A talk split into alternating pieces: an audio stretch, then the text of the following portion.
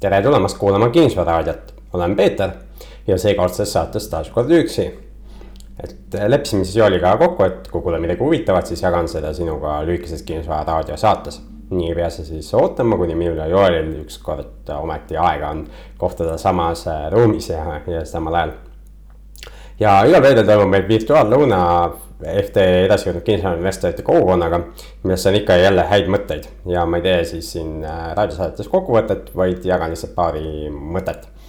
ja tänasel lõunal tegelikult äh, kogu siis äh, eelnenud kaks nädalat panime siis kokku üürilepingut ja siis arutasime seda nii täna kui ka eelmine nädal kogukonna liikmetega. Ja sain mitmeid ettepanekuid seda täiendada ja nüüd on see leping siis lõpuks valmis et erinevatel investoritel on väga erinevaid äh, kogemusi, et ja, ja need sai siis ka sinna lepingusse pandud.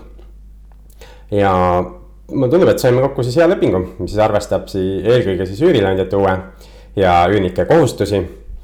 ja siis see üürileping on sulle ka kättesaadav, et saad selle tellida endale www.kinnisvararaadio.ee kaldkriips üürileping ja, ja sealt paned oma maili aadressi, siis ma saadan sulle selle üürilepingu ja saadan sulle videoselgituse ka, mis siin, milles ma räägin, kuidas seda äh, lepingu põhja siis kasutada täpselt ja millele seal tähelepanu pöörata. sest äh, me tegi, ei teinud mingit nihukest valmis faili, et copy paste'i kasuta, vaid meil on äh, fail, kus on valikud, et sa saad siis teha ühtemoodi või teistmoodi ja nii, kuidas see just sulle mõistlikum on. ja miks üldse sihukest uut üürilepingut kasutusele võtta, on see, et et vältida kulukaid kohtuprotsesse, et vanad näidislepingud on tihti sealdavad ühiseid kokkuleppeid näiteks viiviste koha pealt. aga ka muid ühiseid kokkuleppeid või võib seal olla. ja uued reeglid võimaldavad siis lisasissetulekuid, et äh, üürnik võib, saab nüüd üürniku käest siis küsida täiesti seaduslikult äh, ühistu remondifondi ja laenumakseid, aga need peavad siis olema lepingus. ja neid äh, uusi lepinguid, kus sa seda seaduslikult küsida saab, saab siis alates neljateistkümnendast jaanuarist kaks tuhat kakskümmend üks koostada ja saad paremini üürniku korrale kutsuda, et võimalikud on siis äh, lepperahvi kokkulepped. ja saad kiiremini üürilepingu võlglase puhul siis üles öelda, et ei pea ootama enam kolme kuu võlgnemust, vaid kahe kuu võlgnemusega.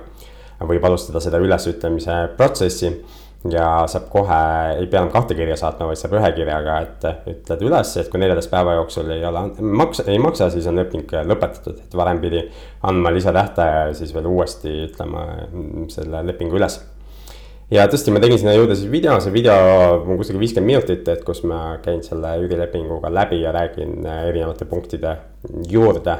mida seal siis äh, valida või, või mida seal otsustada on võimalik. nii et www.kinnisvararaadio.ee kaldkriips üürileping ja jätka juba sealt. ja niipea kui kuulen midagi huvitavat, siis teeme jälle lühikese saate. nii et äh, kirjuta meile saadet kinnisvararaadio.ee, kui sul endal on mõni teema, millest tahaksid kuulda sellised mõtted sellel korral ja kohtumiseni peatselt.